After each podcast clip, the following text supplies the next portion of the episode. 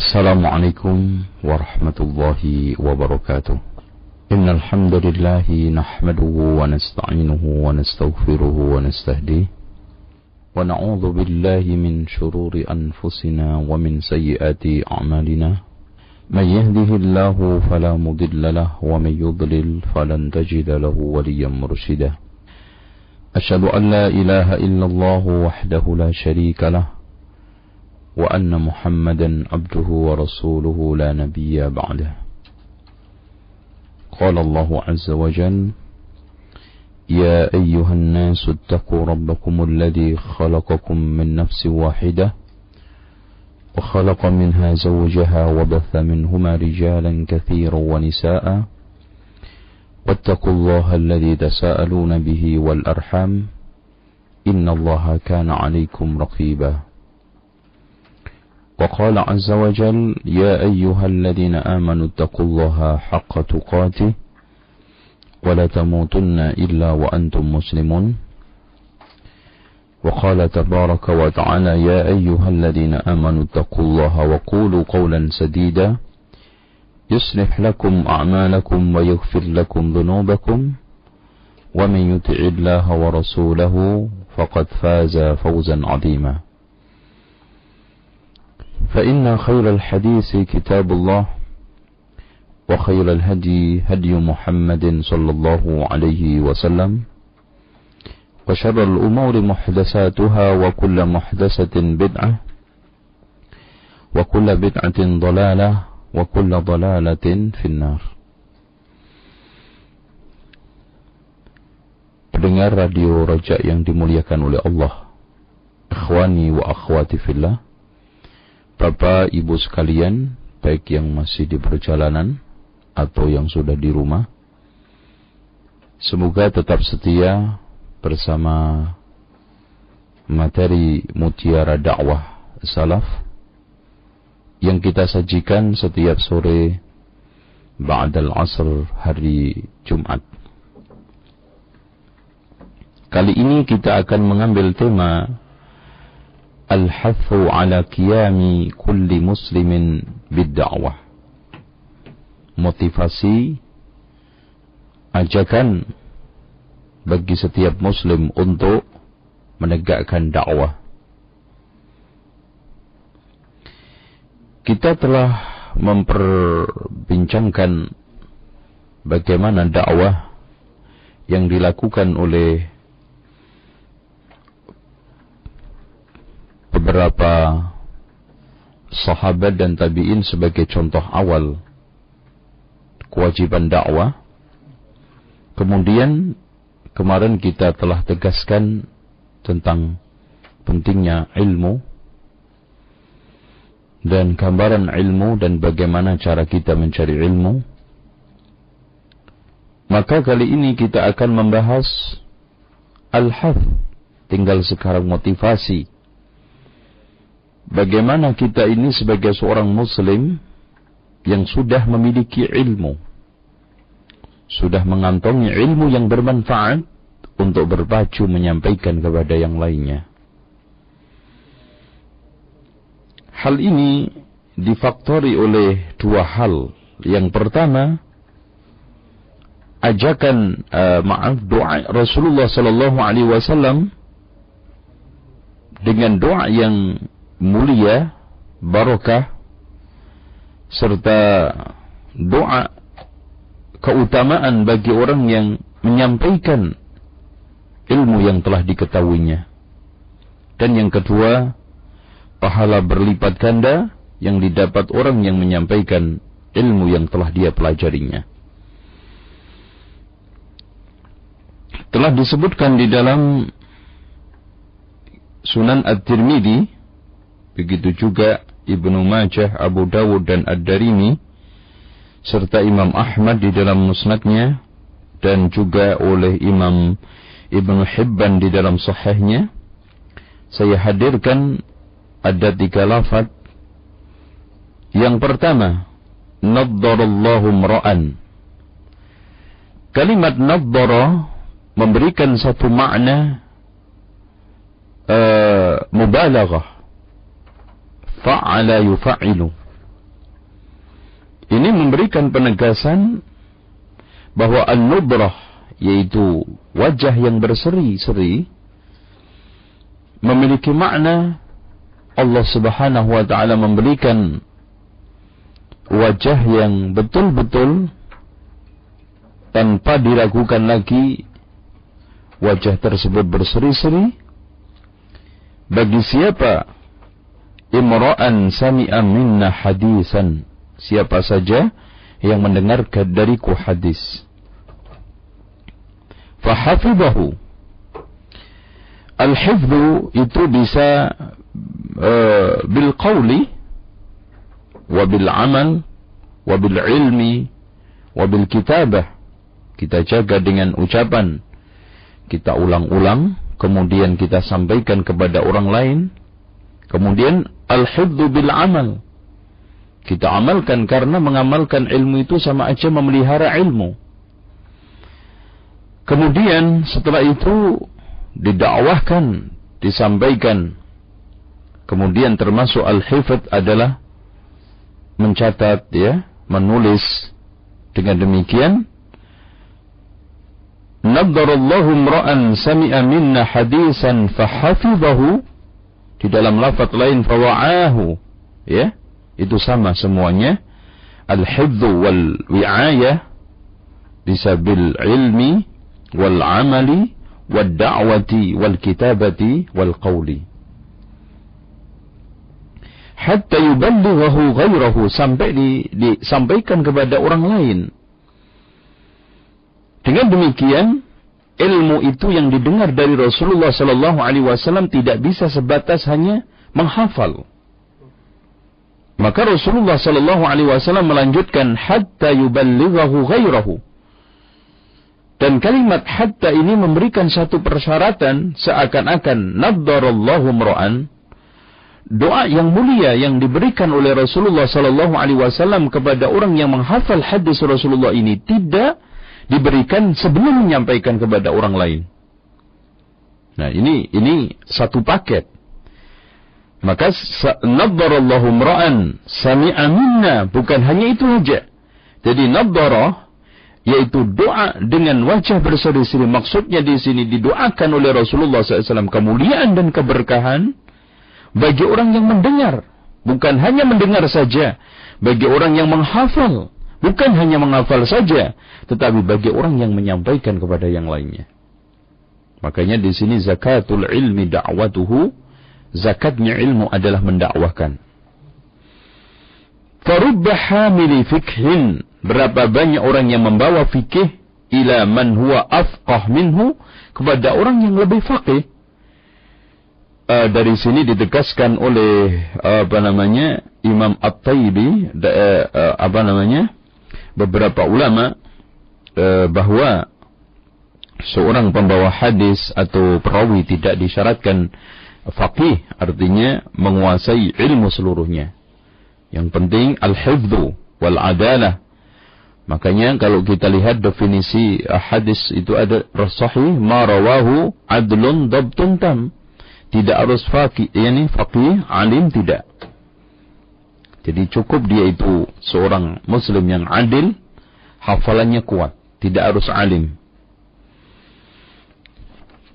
Farubba hamili fikin ila man huwa afqah minhu.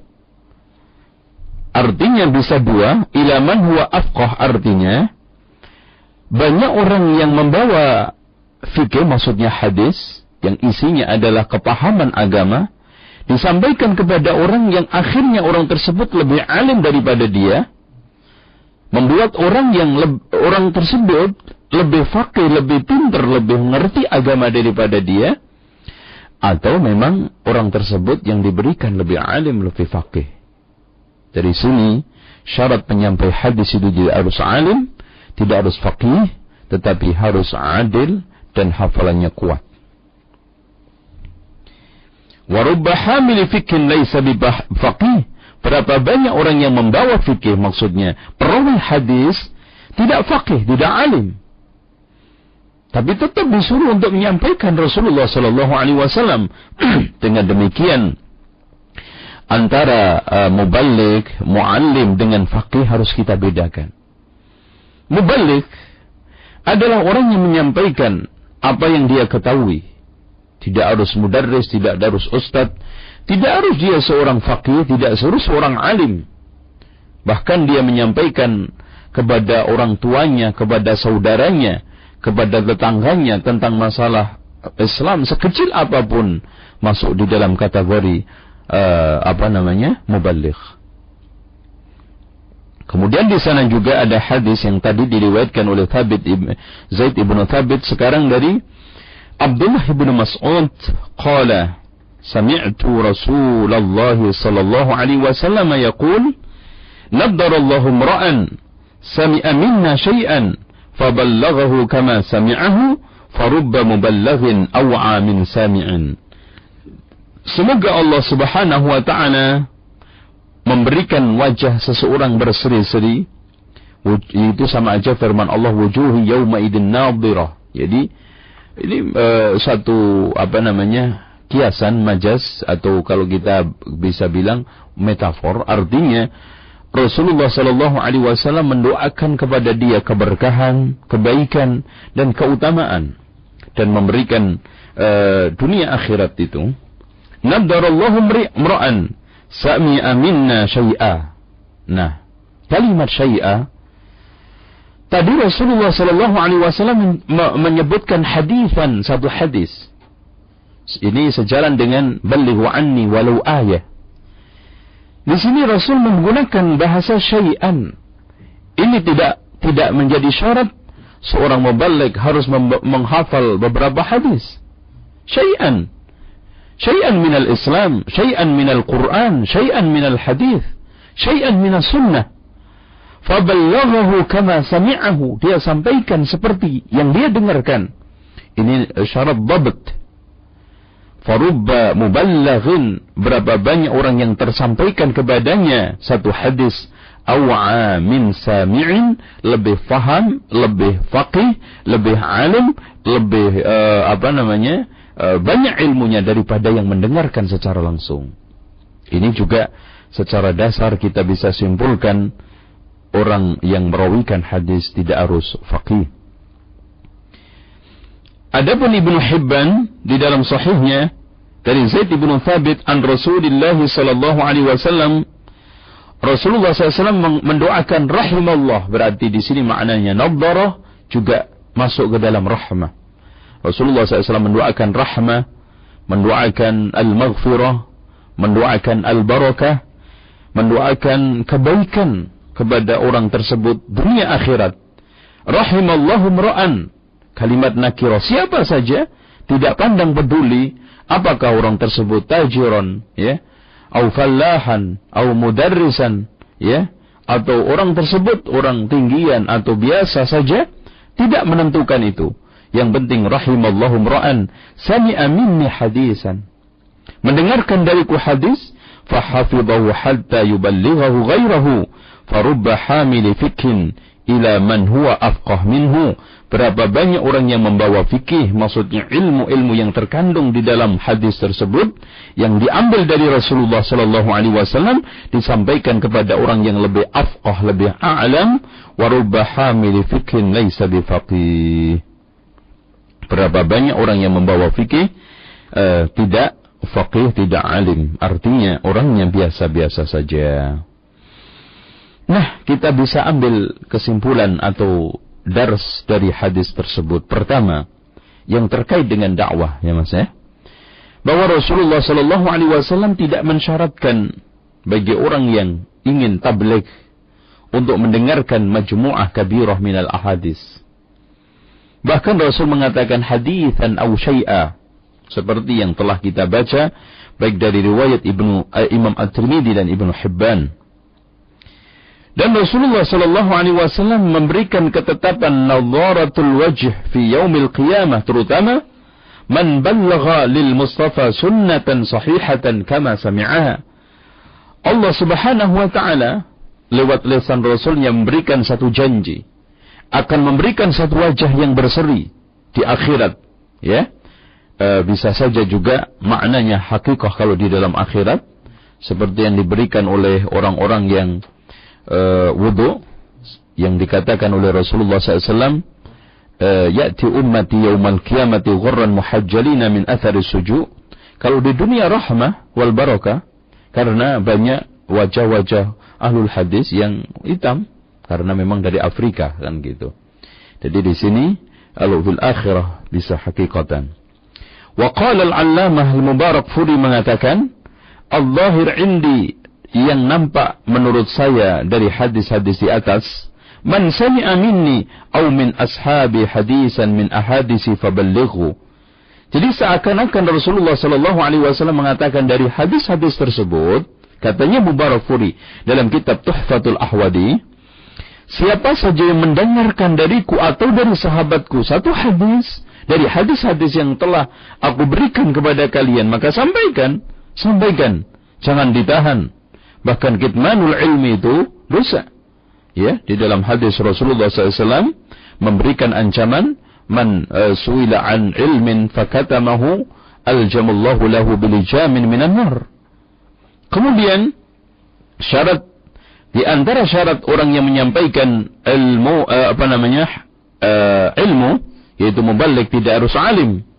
Seperti yang dikatakan oleh Al-Allama Al-Manawi bayyana bihi anna rawi al-hadis anna rawi al-hadis laysa al-fiqh min syartihi wa innama syartul hifz Wa ammal fahmu wa tadabbur fa'ala al-faqih.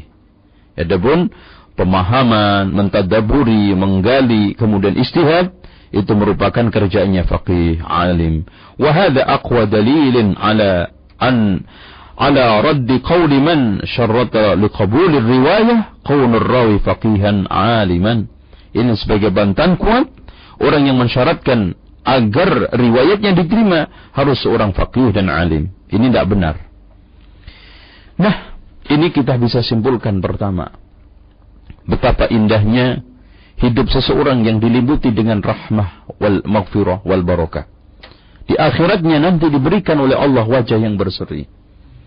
Hanya sederhana dan gampang untuk mendapatkannya, yaitu menyampaikan ilmu yang telah kita pelajari. Wallahi ya ikhwan, tolong dicamkan. Sekarang coba lihat kenapa kemungkaran merajalela.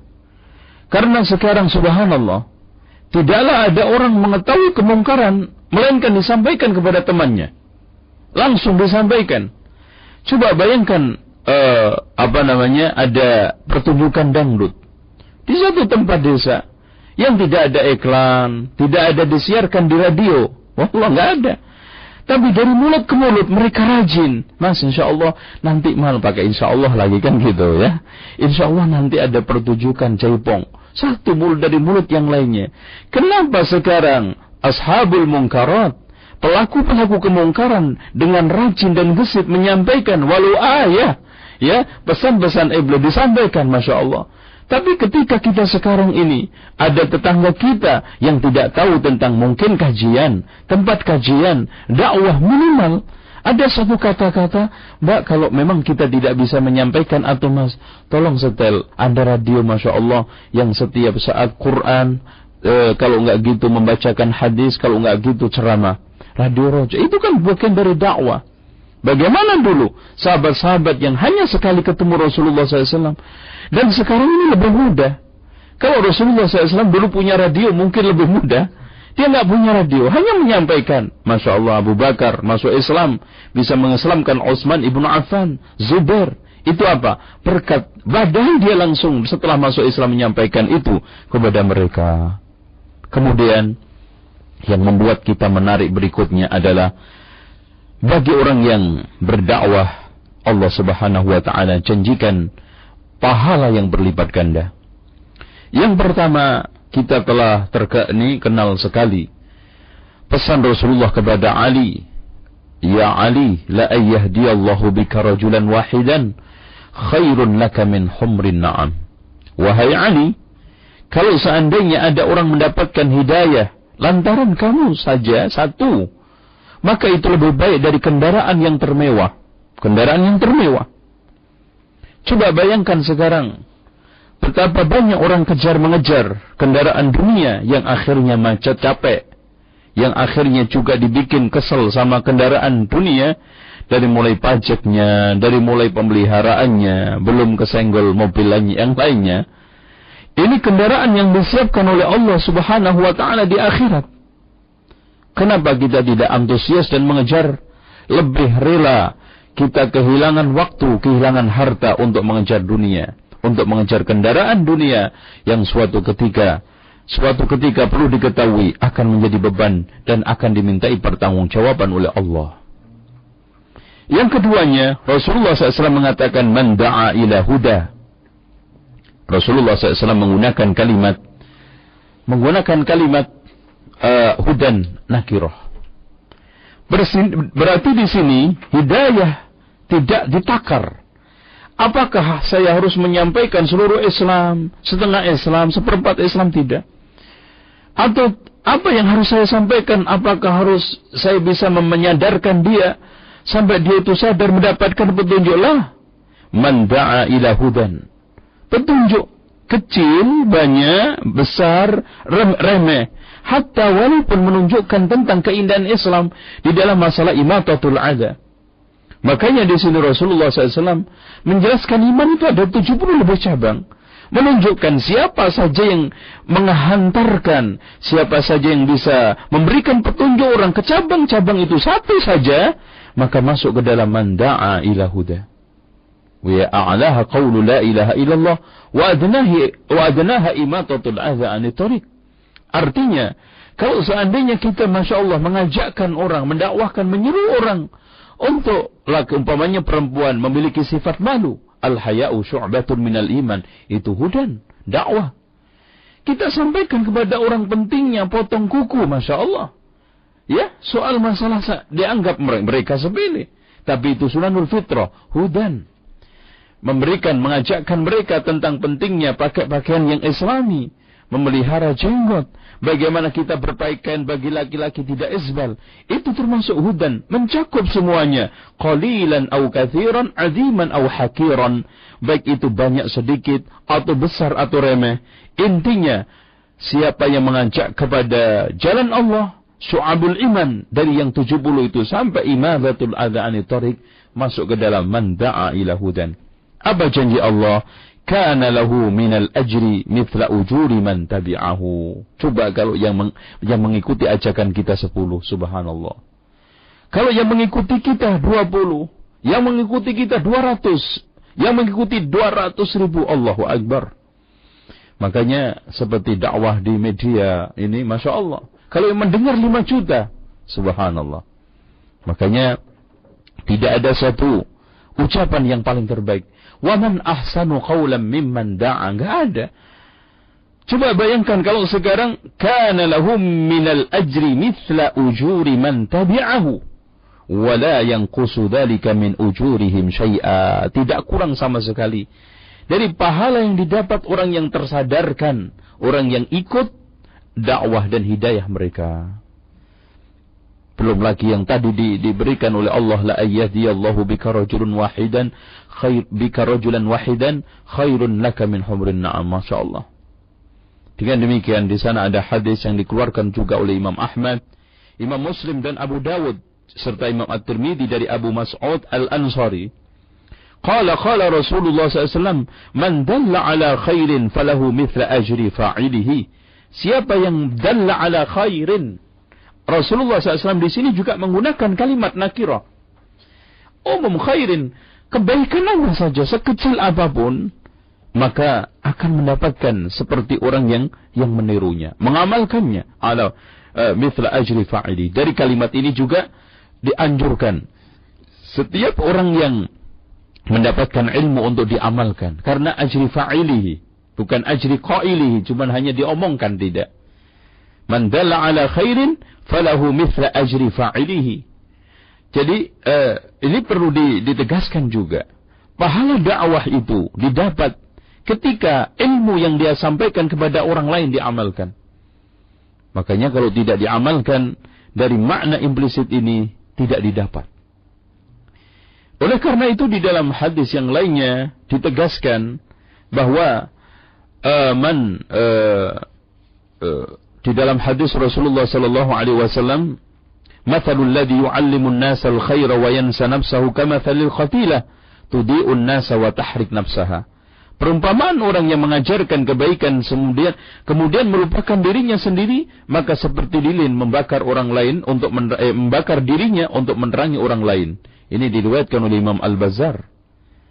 Walhasil man dalla ala khairin falahu mithlu ajri fa'ilihi seperti juga secara makna implisit kita bisa tangkap idza mata bnu adam in qata amaluhu illa min thalathin sadaqatin jariyatin atau ilmin yuntafa'u bihi. Dan ilmu yang bermanfaat, kemarin kita sudah sampaikan cirinya enam di antaranya diamalkan.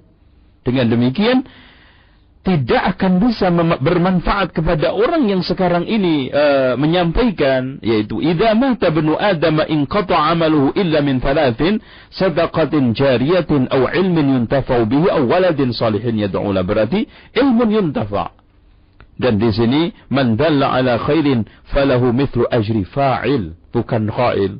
Kalau ternyata hanya ilmu ditukar dari mulut ke mulut, hanya didiskusikan, hanya bahan ceramah orasi, maka itu adalah ilmu lisan, ilmunya orang-orang khawarij yang dikatakan oleh Imam Al Hasan Al Basri, al ilmu ilman, ilmun fil qalbi dzaka huwa al ilmu nafi' wa ilmun fil lisan daka hujjatun ala sahibihi akan menjadi beban pelakunya.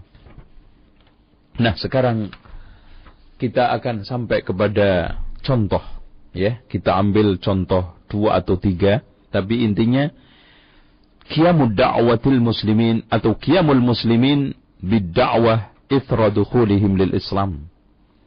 Sekarang kita coba praktek. Menelusuri jejak-jejak para salafus saleh. Para sahabat dan tabi'in. Ya. Setelah dia masuk Islam langsung berdakwah. Di sana ada beberapa contoh. Seperti yang dilakukan oleh Abu Bakar radhiyallahu an. Dia habis mendapatkan keislaman. Dan termasuk orang laki-laki pertama kali masuk Islam. Langsung dia setelah mendapatkan Islam dan bersyahadah la ilaha illallah Muhammadur Rasulullah dia mengajak orang lain. Begitu juga Tulaib ibnu Umair langsung setelah dia bersyahadat dan mendengarkan dakwah Islam dari Rasulullah SAW mengajak ibunya untuk masuk Islam dan akhirnya ibunya menjadi fasilitator oh, saudaranya, familinya untuk masuk Islam. Terus kemudian dia berdakwah kepada orang yang lainnya. Oleh karena itu, tidak ada alasan bagi orang yang sekarang mendengarkan Masya Allah yang kita dengarkan mungkin sudah puluhan sunnah untuk tidak menyampaikan. Nah yang menarik lagi bagaimana? Jin setelah mendengarkan dakwah Rasulullah Sallallahu Alaihi Wasallam nanti kita ceritakan secara khusus bagaimana eh, eh, eh, apa namanya mendengarkan dakwah kemudian dia berdakwah kepada kaumnya di dalam surat Al-Ahqaf ya. Kemudian eh, dakwah nafar minal ansar setelah masuk Islam sekelompok orang-orang ansar setelah menyatakan masuk Islam berjanji untuk mengislamkan saudara-saudaranya kabilahnya bahkan akhirnya tinggal separuh. Katanya yang separuh nanti akan masuk Islam kalau Rasulullah sudah hijrah ke sini. Kemudian dakwahnya Sa'ad bin Mu'ad. Akhirnya kaumnya masuk Islam sampai dia mengatakan ucapan kalian ya ucapan ucapan kalian tidak akan eh, atau haram atas kalian atasku sebelum kalian masuk Islam.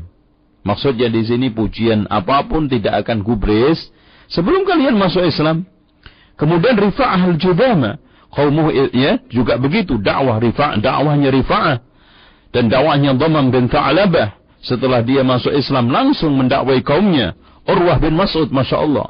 Ini seorang sahabat yang dengan dia mas, uh, mendakwahkan Islam langsung diserbu panah kaumnya langsung mati. Subhanallah. Demi untuk menegakkan dakwah yang padahal dia sekali saja ketemu Rasulullah Sallallahu Alaihi Wasallam. Begitu juga seorang Arabi yaitu Badui yang dia mendengarkan hadis dari Rasulullah SAW langsung disampaikan. Kita coba sekarang uh, uh, mengupas atau uh, mencoba uh, untuk menelusuri bagaimana keislaman Abu Bakar radhiyallahu an, kemudian dia berdakwah dan bagaimana hasil dakwahnya.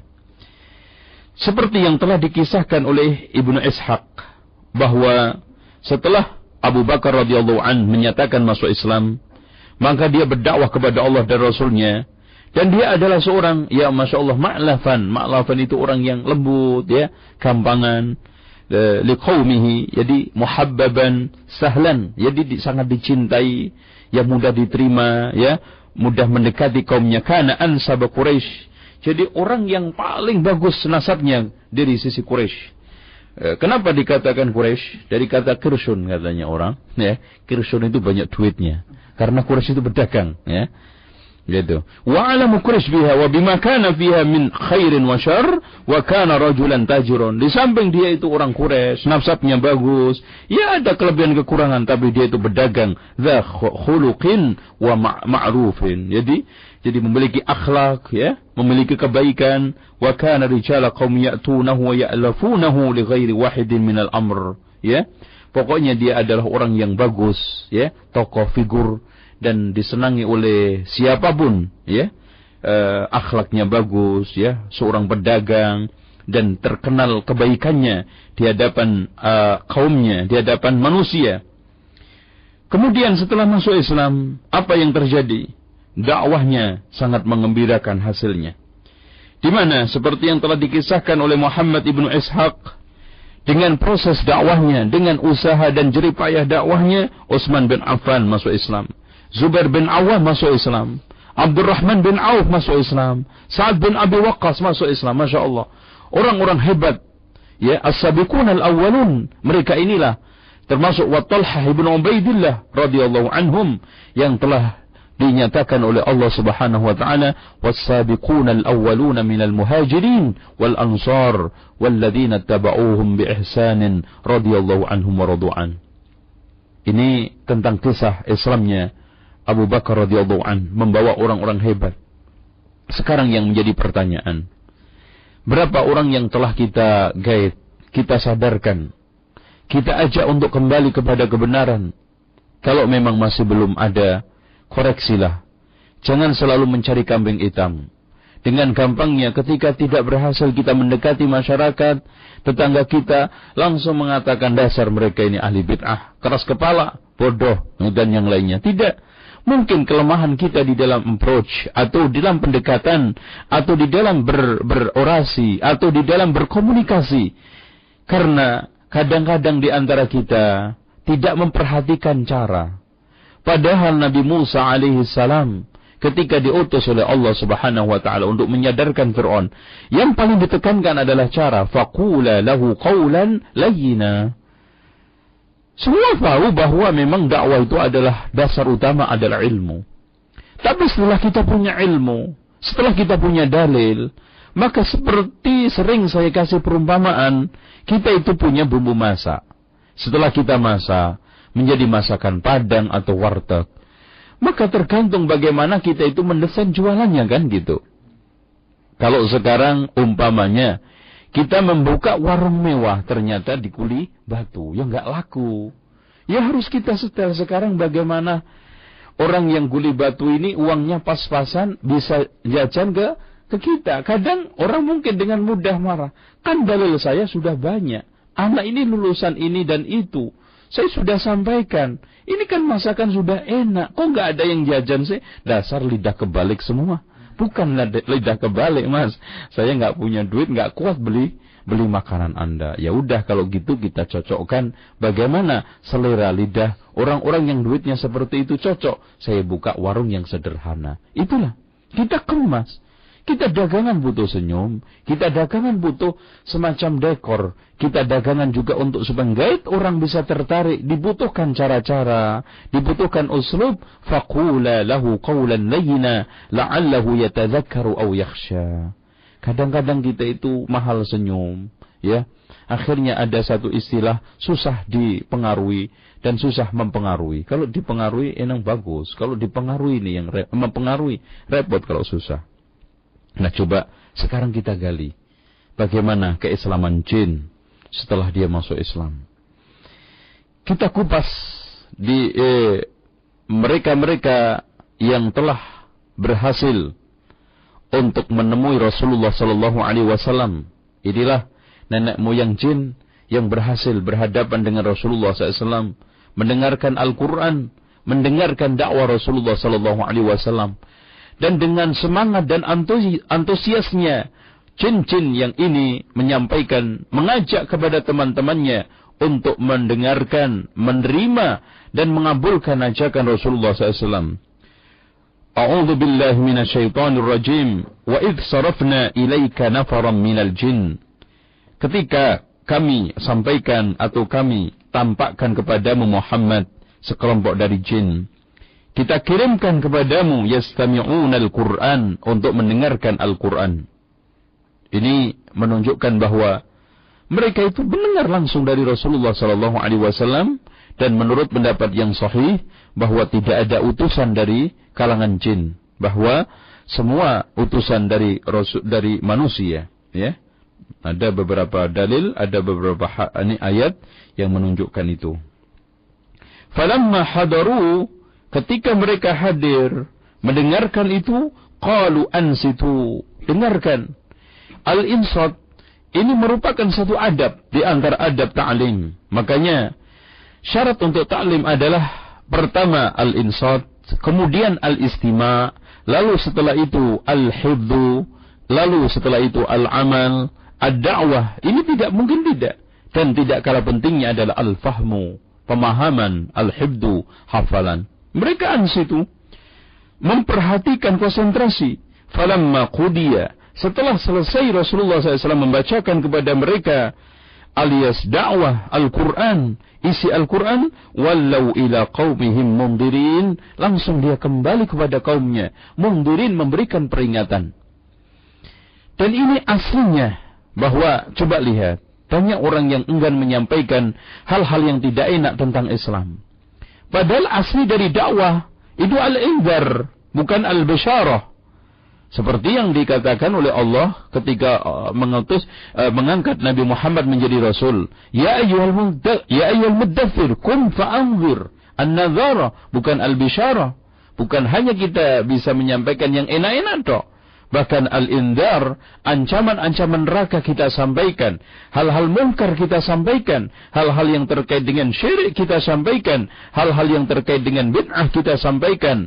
Pelanggaran-pelanggaran agama, penyimpangan-penyimpangan itu harus kita sampaikan.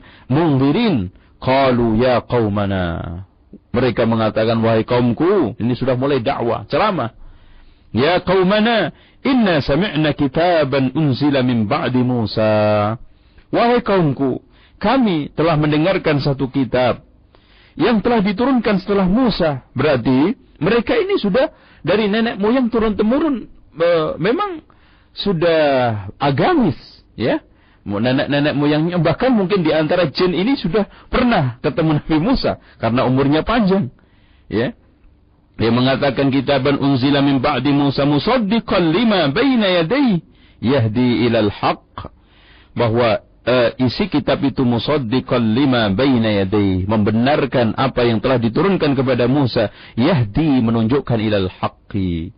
Wa ila tariqin mustaqim. Ini isi dakwah. Oleh karena itu dakwah itu harus ada tariq. Dakwah itu harus kepada al-haq. Bukan kepada dirinya kepada organisasinya jam'iyahnya.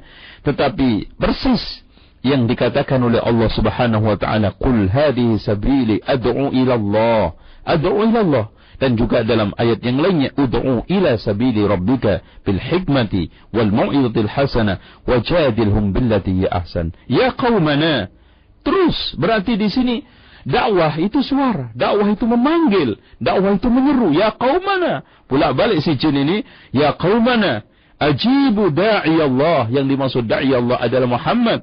Jawablah penuhi. Jangan sampai tidak wa aminu bih berimanlah kepada Muhammad atau Al-Qur'an sebagaimana yang telah dikatakan oleh para a'immatul mufassirin seperti yang telah dijelaskan oleh Siti Hasan Khan dalam Fathul Bayannya. Imma uh, bihi kembali kepada Muhammad atau Al-Qur'an yaghfir lakum. Ini fadil ini sama. Jadi Allah Subhanahu wa taala tadi saya katakan nadzara itu bisa bermakna rahmah al-barakah al-maghfirah. Karena siapa pun yang sekarang ini mendengarkan apa yang telah didapatkan dari Rasulullah lalu disampaikan maka mendapatkan rahmah. Rahimallah. Bisa bermakna maghfirah karena di sini jin yang telah ditirukan oleh Allah Subhanahu wa taala. Ucapan dia dakwah dia mereka kepada kaumnya Ya qaumana ajibu da'i Allah wa aminu bi yaghfir lakum min dunubikum. Yaghfir lakum. Maka dakwah Masya Allah fadilahnya tidak hanya satu mendapatkan pengampunan dari Allah mendapatkan rahmah dari Allah. Nanti wajahnya datang di hari kiamat berseri-seri mendapatkan pahala sepadan orang yang mengamalkannya. Wa yujirkum min azabin alim diselamatkan Masya Allah diselamatkan dari azab yang pedih. Dari sini juga jin itu sama seperti kita yang baik diampuni ya mendapatkan surga yang uh, buruk mendapatkan azab yang pedih bagi siapa saja yang sekarang mengabulkan dakwah memenuhi panggilan Muhammad sallallahu alaihi wasallam akan diselamatkan Allah dari azab yang pedih. Walaupun di sana ada pendapat di antara ulama jin itu nanti eh, hanya diselamatkan dari azab yang pedih eh, setelah itu nanti dikembalikan debu ya seperti tanah. Dan ini pendapat yang lemah yang sahih dia seperti kita yang mukmin masuk surga, yang kafir masuk neraka, dan yang fasik ada yang sementara masuk neraka kemudian dimasukkan oleh Allah ya surga.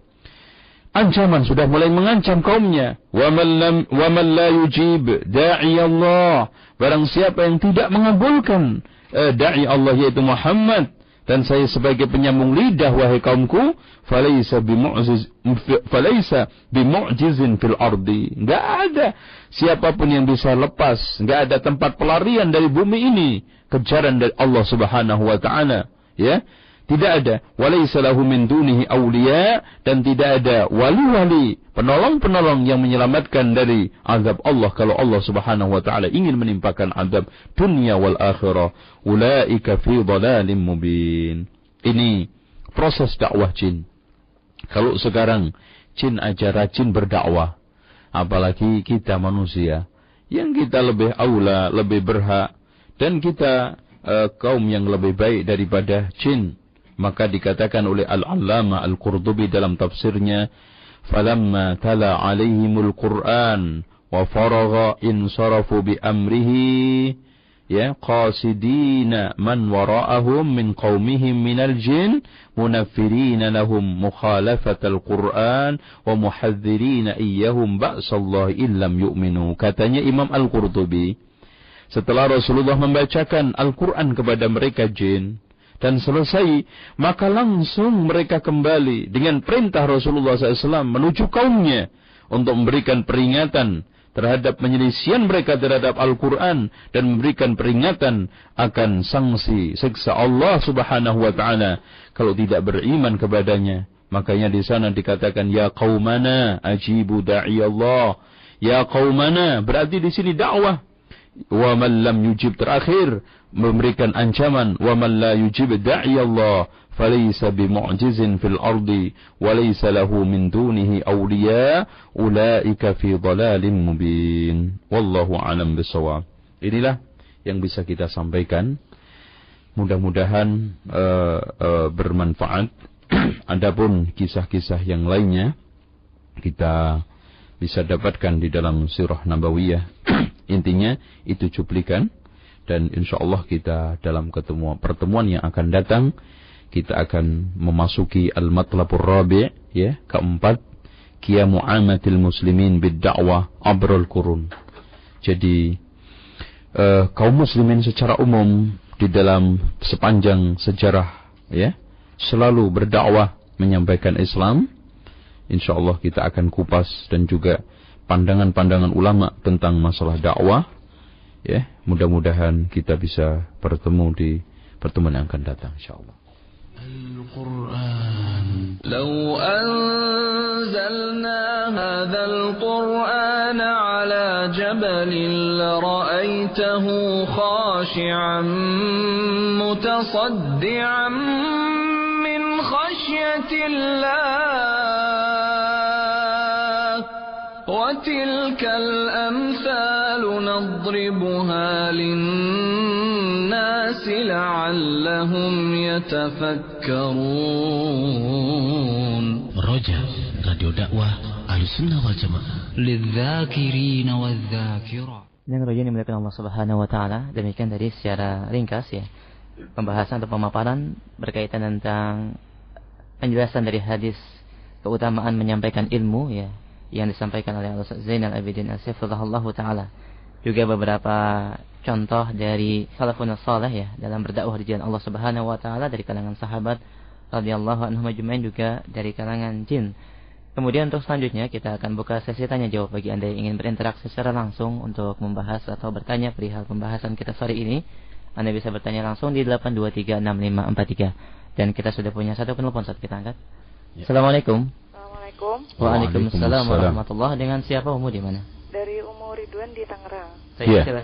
Uh, begini Ustadz, uh, yeah. apakah orang yang sudah mengenal manhaj salaf, mm -hmm. uh, apakah dia boleh me ketika di, uh, diminta untuk mengisi dalam acara-acara bid'ah seperti uh, untuk mengisi tausiahnya gitu apakah dia seharusnya menolak dari awal ataukah dia datang uh, hanya pada saat dia mengisi tausiahnya saja atau dia mengikuti dari awal atau bagaimana seperti itu? Iya cukup. Waalaikumsalam. Uh, perlu ditegaskan di sini bahwa tidak ada percampuran antara hak dengan yang batil. Dan dakwah hendaknya kita harus pisahkan dengan baik sejak awal antara hak dengan batil. Karena tidak akan bisa ketemu tauhid dengan syirik, sunnah dengan bid'ah, tau apa taat dengan maksiat. Maka hendaknya kita memberikan solusi yang tuntas. Karena kehadiran kita dengan cara seperti itu akan menimbulkan gejolak Umpamanya kita datang ceramah kemudian pulang langsung. Dari sisi pendekatan ke masyarakat uh, kurang kurang bagus bahkan kaku kan. Dan juga uh, coba datang pas waktunya juga nggak mungkin.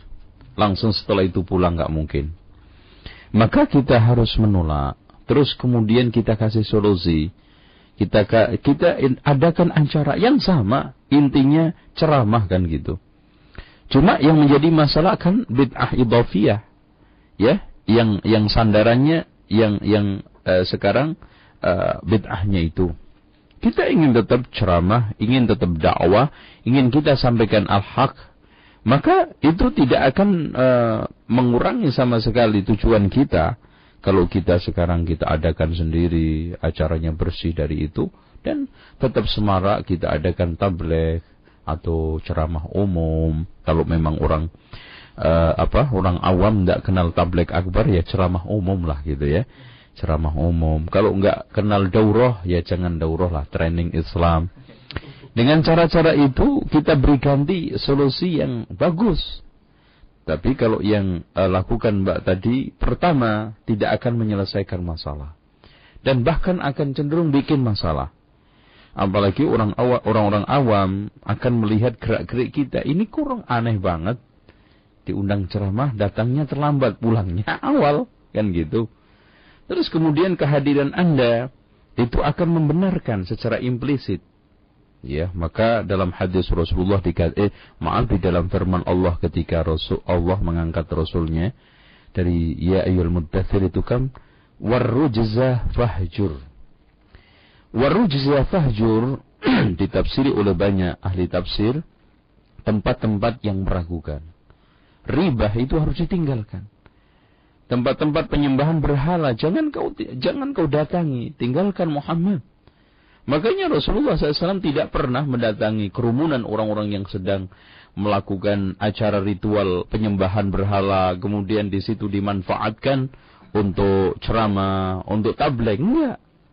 Bahkan e, ketika ada orang yang ingin nazar di Buana, ya dah, suatu tempat yang dulunya bekas digunakan untuk menyembah berhala dan acara-acara ritual jahiliyah, Rasulullah nggak membolehkan sahabat yang ingin melakukan nazar di sana.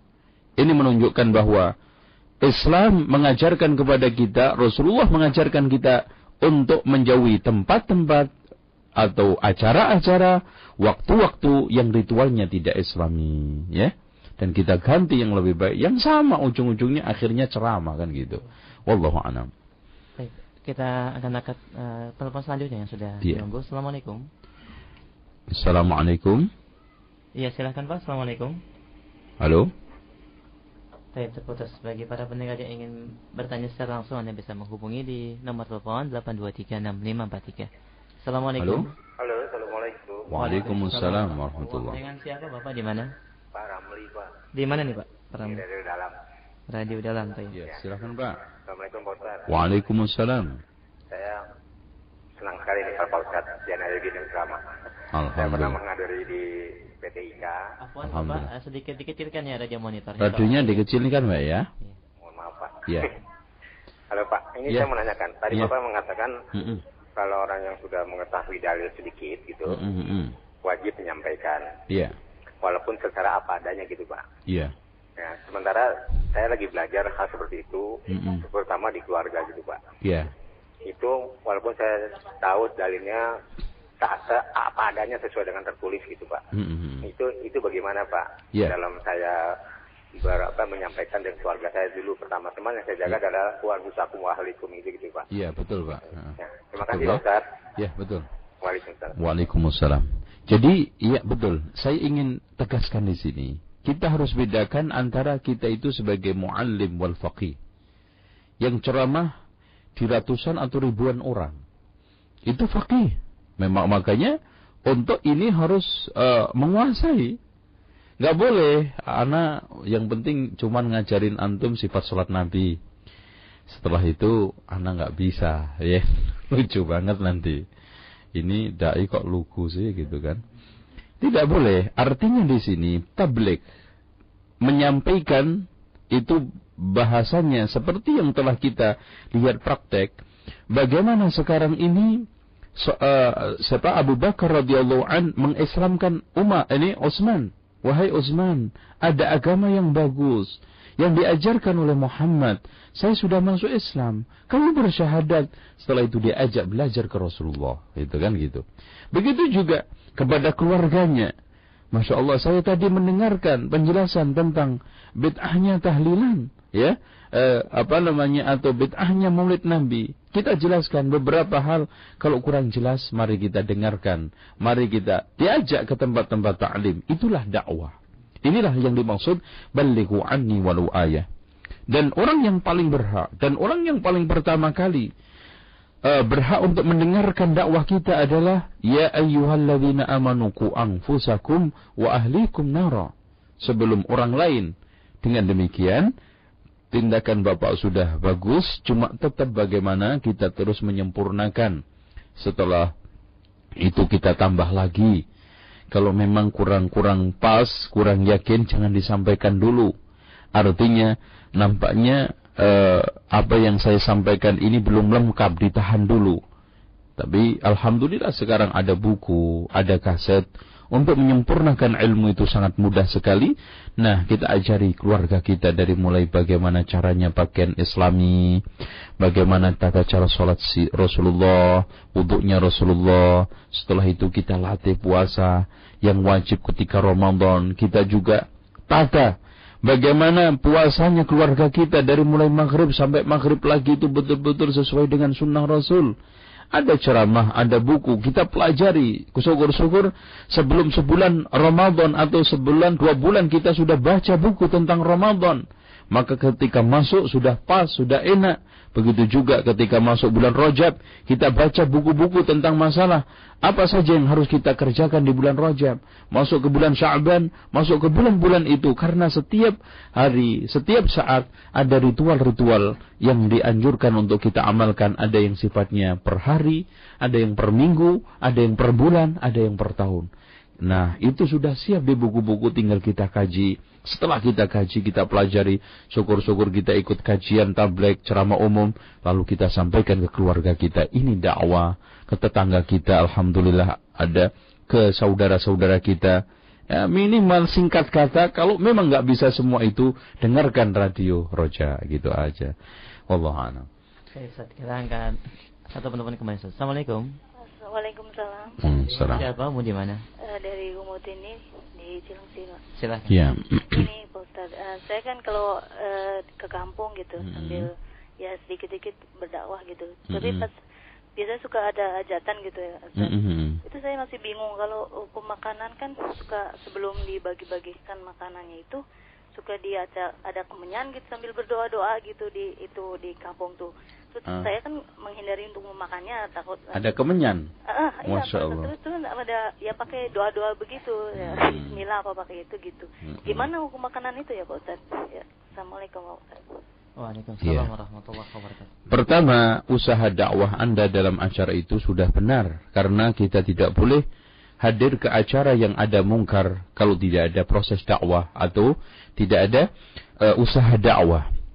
Kemudian yang Anda tanyakan tentang makanan, dalam acara-acara kalau memang walimah, kemudian kemasukan mungkar, makan aja. Ya nggak ada masalah. Itu kemungkaran itu kan nyisip ya. Acara aslinya walimah itu dianjurkan. Bahkan Rasulullah mengatakan kepada Abdurrahman bin Au- Auf, "Aulim walau bisyah."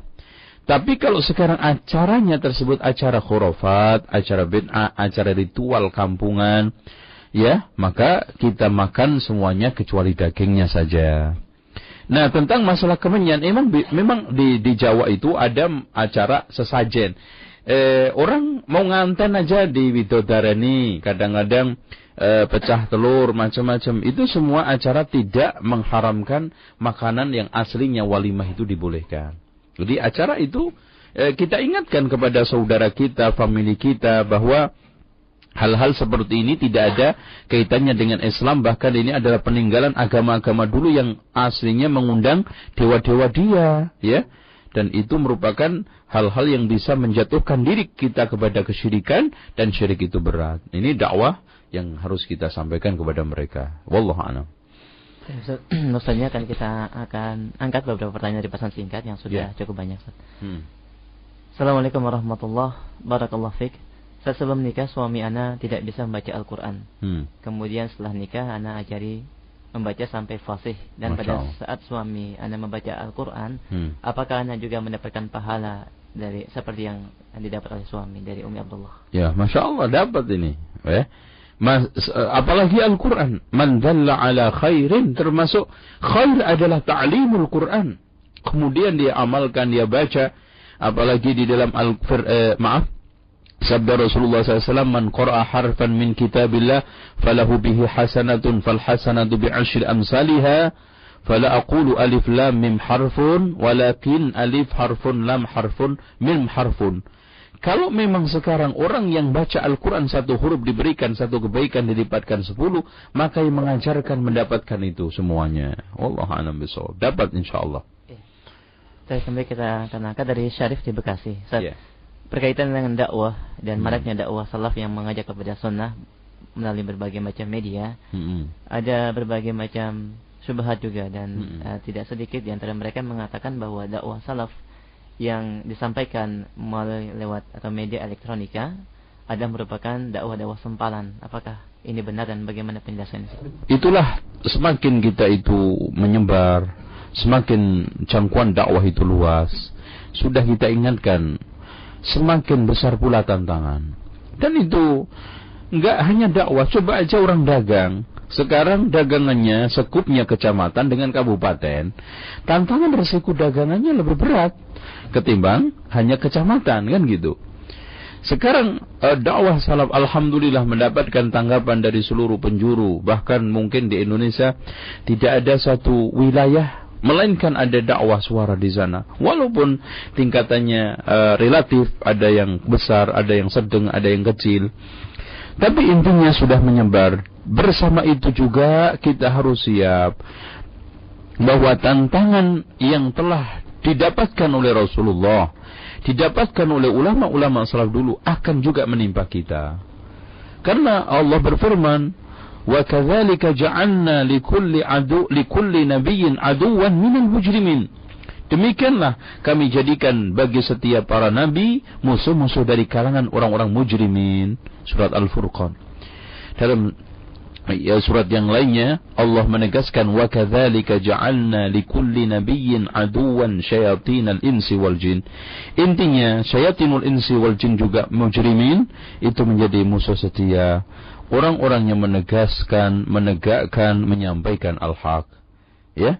Dengan demikian samping kita bergembira, tetap istiqomah dan tegar karena tidak akan mungkin eh, selagi bumi ini masih ada selagi kehidupan ini masih berjalan, selagi kiamat belum tegak, permusuhan, ya, perlawanan, tarik menarik antara al-haq wal batil, antara kekuatan kebenaran dan kekuatan kebatilan akan terus berjalan, ya. Jadi jangan sampai berpikir dalam satu hari kita akan kehilangan musuh, itu nggak mungkin. Wallahu a'lam. Kembali ada pertanyaan yang telah sampai ke kita dari Abu Ahmad di Cisalak. Ya. Ustaz, bagaimana metode dakwah yang tepat bagi kami apabila orang tua terjerumus ke dalam kelompok-kelompok sesat? Mm-mm. Seperti ada sebagian yang di Ahmadiyah atau dalam hal ini kelompok firqah LDII mengingat sesat dan uh, batinnya faham ini. Bagaimana cara mendakwahkan sesuai dengan ajaran salafus saleh? Jazakallahu khair. Ya, memang eh, saya sendiri belum eh, apa namanya mendapatkan metode yang manjur. Karena banyak di antara ikhwan kita yang dulu tokoh di kelompok sesat, ketika dia keluar, ibunya sendiri aja nggak bisa keluar, itu kan gitu. Dulu dia mengajak, masya Allah puluhan orang, ya, ke dalam kelompok tersebut setelah keluar mengembalikan susah. Tapi bukan berarti tidak ada yang terbukti. Memang e, perlu diketahui kejeret ke dalam kelompok ini sangat susah dikarenakan beberapa hal. Satu, setiap kelompok itu pasti ada tokohnya. Dan tokoh inilah yang selalu memberikan bisikan-bisikan kipas-kipas terus untuk membuat dia itu terbuai dengan kesesatan itu. Apalagi mereka lebih intensif. Kita ngasih sekali kalimat, dia sepuluh kalimat. Ketemu dengan kita cuma sebulan sekali, ketemu dengan tokohnya sehari sekali. Dan ini saya alami sendiri. Bagaimana kita itu mengeluarkan orang tua kita dari torekot. Ya. Terjerat dengan tokoh-tokoh yang sudah mempunyai kiai-kiai kaliber nasional, yang sudah memiliki karomah, yang sudah tingkatannya itu, wah, wali kutub, antum belum, kamu belum punya karomah, belum punya kesaktian, bisa mendakwai saya, tunjukkan dulu kesaktian kamu, kan gitu, ditantang. Ah, ini semakin susah. Nah, dengan demikian, metode yang terbaik adalah, kalau kita tidak bisa mendakwai tokohnya, kita mencoba untuk kampanye, menjelaskan bahwa tokoh ini nggak layak untuk jadi panutan agama. Ini yang paling eh, tip yang paling bagus. Eh, yang bisa kita lakukan pada orang-orang, terutama kepada orang tua kita, yaitu tadi kita kita bikin orang tua kita itu paham bahwa ini tokoh sesat, nggak layak untuk dijadikan tokoh, karena dia selama ini menggelincirkan bapak dari jalan yang hak. Nah kalau dia sudah mulai paham, maka dia sudah mulai ancang-ancang untuk bisa keluar. Dan minimal, dia itu sudah ada keraguan untuk menjadikan rujukan, tokoh, menjadi sebagai orang yang Masya Allah di hati difikurkan, itu sudah mulai lemah. Nah pelan-pelan sudah itu itu terputus ya. Insya Allah kalau sudah ini putus pelan-pelan kita ambil subhat. Subhat apa sih yang paling yang paling apa ya paling gede paling berat orang tua saya ini atau saudara saya ini atau orang yang saya dakwai ini nggak bisa keluar dari kelompok tersebut. Subhat apa? Kalau memang ada kelompok yang menjanjikan surga, pokoknya surga cuma hanya di kelompok kita. kita jelaskan, Pak, kalau sekarang uh, nih sah, Imam Syafi'i lah udah. Imam Syafi'i yang nggak pernah masuk kelompok ini gimana ini? Kan gitu kan? Kasihan kan? Kalau dia mengatakan pokoknya kalau nggak masuk kelompok kita nggak bakal bisa masuk surga le kan gitu. Loh sekarang Imam Nawawi ya, Imam Syafi'i, orang-orang yang ya udah nggak usah dulu lah. Sekarang orang-orang yang tinggal di Saudi, Mekah, Madinah yang tidak tahu menahu tentang kelompok bapak ini, gimana nasib surganya? Gitu kan gitu kasihan banget. Atau minimal, minimal bapak menyampaikan ke seluruh orang Mekah, Madinah atau syukur-syukur pinjam mik Masjidil Haram untuk mendakwahkan bahwa bapak siapa aja orang Madinah Mekah yang tidak masuk kelompok saya tidak akan bakal masuk surga. Harus bayar. Ya lucunya mereka nggak pernah melakukan itu. Dibiarkan surga hanya milik saya, ya. Pokoknya nanti masuk surga saya sama keponakan saya. Masya Allah, gitu ya. Ini hal-hal uh, yang harus kita. Nah, setelah kita sudah kalkulasi subhat, terus kita perang terus, ketor itu apa namanya? Ibarat sekarang besi. Kalau sudah banyak karatan kita ketok terus, insya Allah rontok kayak besinya, insya Allah bersih. Tapi itu butuh proses lama itu, ya Allah alam bisawab. Iya. Baik, kita akan angkat untuk penelpon yang telah masuk. Assalamualaikum. Assalamualaikum. warahmatullahi Assalamualaikum Ustaz. Waalaikumsalam. Mana? Eh, dari Dengan? Bu Nani. Di Depok ya? Silakan. Mm-mm. Eh, saya mau menanyakan ini Ustaz. Iya. Apakah suatu dakwah perlu memerlukan manajemen dakwah? Mm-mm. Eh, terus yang kedua, apakah eh, kita menetapkan target yang akan kita capai dan dalam dakwah Mm-mm. dibenarkan? Karena saya pernah mendengar se- seorang ustaz di Roja menyatakan kalau hidayah itu kan datangnya dari Allah. Jadi dakwah itu tidak perlu ditarget-target berapa yang Mm-mm. akan dicapai itu aja. Iya. Assalamualaikum warahmatullahi Waalaikumsalam. Ya, pertama memang mentargetkan Allah nggak bisa, karena Allah itu nggak bisa ditargetkan. Mentargetkan usaha kita boleh. Dan contoh aja nggak usah jauh-jauh lah. Kita mentargetkan di dalam membuat satu bisnis. Target saya bisnis dalam satu tahun ini menjual buku 500 ribu umpamanya eksemplar. Alhamdulillah tercapai, Alhamdulillah. Loh kok ternyata karena punting beliung atau masalah-masalah musibah lain, ya Allah, tahun ini cuma 500 buku. Yaitu tidak bisa kita ngurusin apa yang menjadi ketetapan Allah. Kita ini sekarang mau menjadi mengurusi ketetapan kita apa ketetapan Allah? Kalau kita sekarang ngurusin ketetapan Allah, hidayah ya nggak mungkin lah ini uh, innaka la ahbabta. Tetapi kalau sekarang kita mencoba untuk mengatur, memanage, terus kemudian tadi itu bagaimana kita itu bisa mencoba untuk uh, mengkalkulasi subhat, skala prioritas. Kalau nggak ada manajemen, ya tolong dicamkan manajemen yang sifatnya hizbiyah dengan manajemen yang sifatnya syariah. Artinya, coba lihat, anak kasih contoh aja. Rasulullah Shallallahu Alaihi Wasallam ketika menggali apa uh, khondak itu apa namanya parit. Emang itu nggak pakai manajemen. Coba bayangkan Rasulullah punya waktu sekian mau perang. Itu dekat loh mas. Punya sahabat sekian. Makanya Rasulullah Shallallahu Alaihi Wasallam mentargetkan setiap sahabat harus menggali sekian. Coba lihat. Sampai pada waktu perang selesai. Coba kalau nggak pakai manajemen, bisa selesai nggak mungkin. Nanti ogah-ogahan. Bahkan Rasulullah SAW ny- nyangkul sendiri, ngepro apa, me, apa namanya, um, iya menggali tanah sendiri, bahkan batu besar. Sahabat-sahabat itu nggak kuat. Rasulullah Wasallam hantam sampai keluar keluar api. Ini semua pakai manajemen. Coba kita lihat target Rasulullah Wasallam ketika di Mekah sama Madinah. Ya, Rasulullah Wasallam buat target-target di dalam perang, target-target.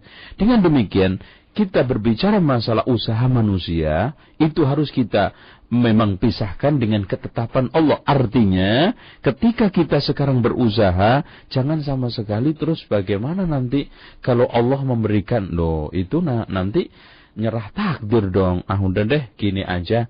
Loh yang kita sekarang membuat satu target di dalam pendidikan, di dalam pendaftaran, ya sekolah lah kita nggak usah jauh-jauh sekolah aja, ya sekolah. Ketika kita membuka sekolahan kan ada target. Target tahun ini kita akan membuka pendaftaran 50 anak. Oh ternyata ya qadarullah Allah menetapkan dapat 20. Ya sudah kita terima. Jadi kita harus bedakan antara usaha kita dengan takdir Allah Subhanahu wa taala yang tidak bisa dicampuri oleh usaha manusia apa pun bahkan wa ma tasyauna illa ayyasha Allah. Jadi tidak ada masalah. Wallahu a'lam bishawab. Baik, kita akan angkat kembali pertanyaan yang kedua dari telepon. Assalamualaikum. Assalamualaikum warahmatullahi Iya. wabarakatuh. Dengan siapa Bapak di mana? Abdurrahman, Ambo. Ah, silakan Pak Rahman. Assalamualaikum Ustaz. Ya. Ini Ustaz, boleh nggak tuh kalau kita berkata gini Ustaz? Hmm. Alhamdulillah saya dikasih nama yang bagus Hmm. sama tua gitu. Hmm. Nah dengan diberi nama bagus itu saya jadi takut untuk bikin dosa gitu Ustaz. Oh iya. Iya. Yang bagus itu Ustaz. Iya, cukup? Boleh nggak berkata gitu? Ah, ah, ah. Cukup ya? Ya. Ya, Waalaikumsalam. Ya memang harus begitu. Dengan demikian, nama yang baik itu dian- dianjurkan kita membuat nama baik agar termotivasi untuk berbuat baik minimal, minimal menjaga nama. Waduh, nama saya kan Abdul eh, Abdul Ghani, Abdul Rahman, Abdullah atau nama saya Soleh. Eh ternyata suka nyolong sandal di masjid. Nah ini kan, waduh malu deh, anak mendingan gue rubah aja atau sekalian ditetapkan kan gitu. Kalau namanya soleh ternyata kerjaannya tolah-toleh tadi ya, namanya toleh aja. Dengan demikian, nama itu tujuan dianjurkan mengambil nama baik untuk memotivasi ketaatan, untuk memotivasi berbuat kebaikan. Sehingga Rasulullah SAW mengatakan, ahabbul asma'i ilallahi ta'ala Abdullah Abdurrahman wa asdaquha al-harith wa hammam. Asdaq berarti di sini al-harith wa hammam karena memberikan motivasi himmah. Haris itu orang yang serius, sungguh, telaten ya. Tidak gampang patah semangat. Itu inspirasinya nama-nama itu dianjurkan ya. Dengan demikian gak ada masalah niat sebut ya. Allah a'lam. Baik, bagi para pendengar yang lain, bagi Anda yang ingin bertanya, kita masih punya kesempatan di 8236543. Assalamualaikum. Waalaikumsalam. Dengan siapa Bapak di mana? Abu Haji di Bojonggede. Iya. Iya, silakan Pak. Ah, buku yang dikaji sore ini Pak Ustadz ya? Iya. heeh. Itu karangan siapa Pak Ustadz? Tahu. eh, Profesor Dr. Fadl Ilahi. Saudaranya Ehsan Ilahi Dohir.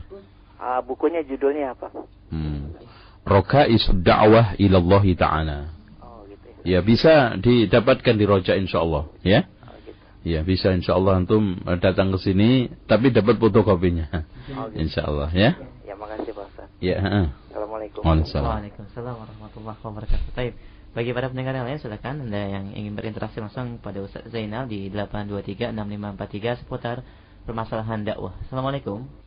Assalamualaikum. Waalaikumsalam warahmatullahi Dengan siapa Ibu di mana? Dengan Ibu Odah di Kemayoran. Waduh, kemayoran ya, Bu ya. Nah, enggak, ini Iya. ini Ustaz mau Hmm, nanya. silakan. Assalamualaikum.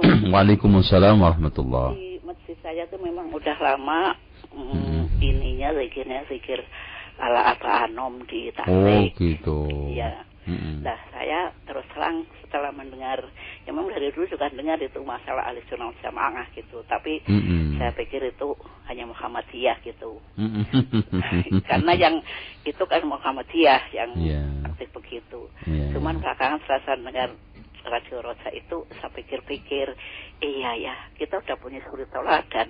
Kenapa harus dicari-cari yang lain? Mm-mm. Nah cuman Mm. saya bingungnya begini. Pertama, heeh. saya kan masalah ibadah udah dari kecil. Mm-mm. Karena memang sini nganutnya yang kayak gitu, ada mulut dan sebagainya, ya Hmm. itu yang itu. Wes karaten ya, Bu ya. Ya karaten.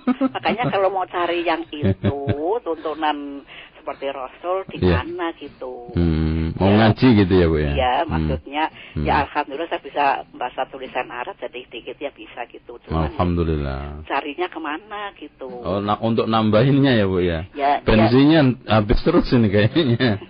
ya maksudnya dikit-dikit barangkali ada yang lain ntar bisa Insya saya Allah. pelajari. Insya Allah, Gitu. insya Allah. Nah Ya. ini yang saya tanyakan saya di masjid ini bagaimana ya? Zikir yang apa Hanum ya? Iya. Hmm, sikap kita gitu ya, Bu ya. sikap kita karena Ya, sama cukup ini ya, kan Bu, ya. karena saya terus terang termasuk jamaah yang aktif eh, aktif apa saja gitu. Hmm, Masya Allah. aja, terima kasih Ustaz ya. Ya, ah, Assalamualaikum. Waalaikumsalam. Waalaikumsalam Pendengar kita di Kemayoran ya. Kemayoran, Masya Allah. Mudah-mudahan Allah kasih ibu terus semangat, istiqomah, dan kesehatan, dan ilmu yang bermanfaat. Eh, pertama tentang eh, apa eh, apa namanya tambahan bisa ibu tambahi di ada kajian di eh, Al Furqon DDI ya. Itu Ustadz Yazid setiap se- apa Selasa ada lagi di Hayam Wuruk ya. Ustadz Abdul Hakim di Kota Krukut ya. Eh, kita juga ada kajian setiap Ahad di Amar Ma'ruf daerah Bekasi Timur kajian tafsir sama akidah wasitiyah dan juga kajian-kajian yang lainnya. CIC besok ya. Ibu bisa hadir tanggal 4 eh, hari Ahad pagi Jakarta Islamic Center Koja ini untuk menambah dan terus mengikuti roja insya Allah eh, banyak ibu-ibu yang mungkin mirip seperti ibu yang awalnya dulu kayaknya juga sama dengan saya ya Ya insya Allah pelan-pelan ya karatnya ini dihilangin insya Allah akhirnya kita enak oh ternyata Islam itu seperti ini nggak ada eh, kelompok ini, kelompok itu, memang yang kita ajarkan adalah Alkitab wa sunnah ala fahmi sahabah wa tabi'in. Mereka lah yang telah dikatakan oleh Rasulullah, khairun nasi qarni, summa alladhina yalunahum, summa alladhina yalunahum. Nah, sikap terhadap zikir jama'i. Uh, ibu kita tidak akan uh, memberikan satu sikap terhadap satu bid'ah saja. Karena nggak ada manfaat kita tanpa menunjuk nama dan juga tidak konfrontasi kepada satu orang dua orang atau satu tokoh yang telah menebarkan kesesatan tidak. Secara umum ketika kita sudah mengetahui bahwa al-haq itu seperti ini al-batil seperti ini maka memang hati ini sudah mulai teruji untuk tegas karena cinta karena Allah, benci karena Allah itu diuji. Man ahabba lillah wa abghadha lillah wa man wa a'ta lillah wa man'a lillah wa anka wa ankaha lillah faqad istakmala al-iman. Barang siapa yang cinta karena Allah, benci karena Allah, dan memberi karena Allah, tidak memberi karena Allah, dan menikahkan putrinya karena Allah, maka telah sempurna keimanannya. Nah, Ibu alhamdulillah mungkin orang yang aktif. Ini termasuk uh, saya juga sudah bisa gambarin kayak apa ya. Aktif di masyarakat, ya kegiatan apa pun mungkin uh, di, diikutin. Nah sekarang sudah mulai harus pilah dan pilih. Karena pada akhirnya begini bu, kita tidak boleh keluar keringat yang nggak ada surganya. Dan kita nggak boleh sekarang coba-coba main-main, apalagi ibu barangkali sudah umur 60-an ya. Ya, ini Masya Allah umur tinggi tinggal ini kita tidak boleh. Karena akan dimintai bertanggungjawaban oleh Allah umur yang kita buang, waktu yang kita buang, apalagi untuk mendengarkan hal-hal yang tidak sunnah, hal-hal yang bertentangan dengan Alkitab wa sunnah yang dimurka oleh Allah. Karena Rasulullah mengatakan, La tazulu qadama abdin hatta yus'al an arba tidaklah terpeleset kaki seseorang di hari kiamat sebelum ditanya tentang empat di antaranya adalah an umrihi fi ma'afna tentang umurnya digunakan untuk apa. Dan untuk meninggalkan kita memang harus berperang. Cuma kita harus sekarang berbicara gini Thalathun man kunna fihi wajada bihinna halawatal iman. Nah, ibu akan diuji untuk mendapatkan manisnya iman. Ada tiga. Ayyakuna Allah wa Rasuluhu ahabba ilaihi mimma siwahuma. Hendaknya Allah dan Rasulnya lebih dicintai nah, daripada selainnya. Termasuk selain Allah dan Rasulnya ini. Kita tinggalkan karena Allah ya kita ambil dulu karena Allah kita tinggalkan sekarang karena Allah karena Allah dan Rasulnya lebih aku cintai. Kalau nggak enak sama si fulan si fulan, ya sekali-kali ibu nggak enak sama Allah lah, gitu ya. Nggak enak sama Rasulullah. Aduh, saya nggak enak nih sama Allah nih, sama Rasulullah. Karena Rasulullah, Rasulullah SAW mengatakan, man talaba ridallah bisakhatin nas radhiyallahu an wa ardan nas alaihi. Barang siapa yang mencari ridha Allah, konsekuensinya dicela, dimusuhi, dimarahi orang, maka Allah akan ridha sama dia dan orang lain manusia manusia akan dibikin senang sama dia. Dan insya Allah hati akan dibalikkan oleh Allah sesaat. Kita tidak tahu ya muqallibal qulub sabit qalbi ala dinik. Dan Rasul menegaskan inna quluba bani adama baina usbu'aini min asabi'ir rahman. Hati anak Adam itu di antara dua jemari Allah. Dirubah sekarang benci besok senang. Siapa? Enggak ada yang bisa tahu tuh dengan demikian yang kita cari adalah ridha Allah. Karena ridha Allah tujuannya jelas ridho manusia tujuannya tidak jelas wallahu a'lam Baik, satu SMS tadi kita ya, sebelum akhir kajian hmm. dari Ummu Maya di Narogong. Ya. Ustaz Alhamdulillah sudah lama taklim dan Anda selalu menyampaikan ilmu yang didapat kepada anak-anak dan suami hmm. serta uh, teman-teman uh, yang bertanya. Namun jika Anda menyampaikan sebuah hadis dan Anda tidak hafal semua matanya jadi menyampaikan hanya inti-intinya saja. Hmm. Apakah yang demikian diperbolehkan? Jazakallah yeah. khair. Uh, karena bukan riwayah ini hanya dakwah maka dibolehkan. Eh, walaupun riwayat bil makna itu dibolehkan dengan syarat tapi kita prosesnya di sini bukan proses riwayah. Dan bahwa kita semua ini sekarang adalah proses dakwah bukan riwayah. Dengan demikian kita sampaikan secara makna umpamanya umpamanya. Orang tersebut eh, apa namanya ngeyel bahwa pokoknya ini bid'ah. Bid'ah itu di dalam dilarang oleh Rasulullah. Dalilnya siapa yang mengamalkan sesuatu amalan yang tidak ada contoh dariku maka ditolak. Ini berdasarkan hadis Muslim, Bukhari Muslim umpamanya. Boleh, nggak ada masalah. Nah, setelah dia ingin mana itu hadisnya, nah, baru kita ambilkan bukunya, itu ya. Tapi kalau kita bisa menghadirkan lafaz dengan baik itu lebih utama, lebih pas insya Allah. Wallahu a'lam bishawab. Kesimpulan akhir satu Fadl. Ya, insya Allah. Ikutilah orang karena dia benar. Jangan mengikuti kebenaran karena orang. Kenalilah, pelajarilah kebenaran. Kamu akan kenal siapa yang benar. Aku lu qawli hadha. Wassafirullah li walakum. Wassafirullah al-azim. Inna allaha huwal ghafur rahim. Wassalamualaikum warahmatullahi wabarakatuh.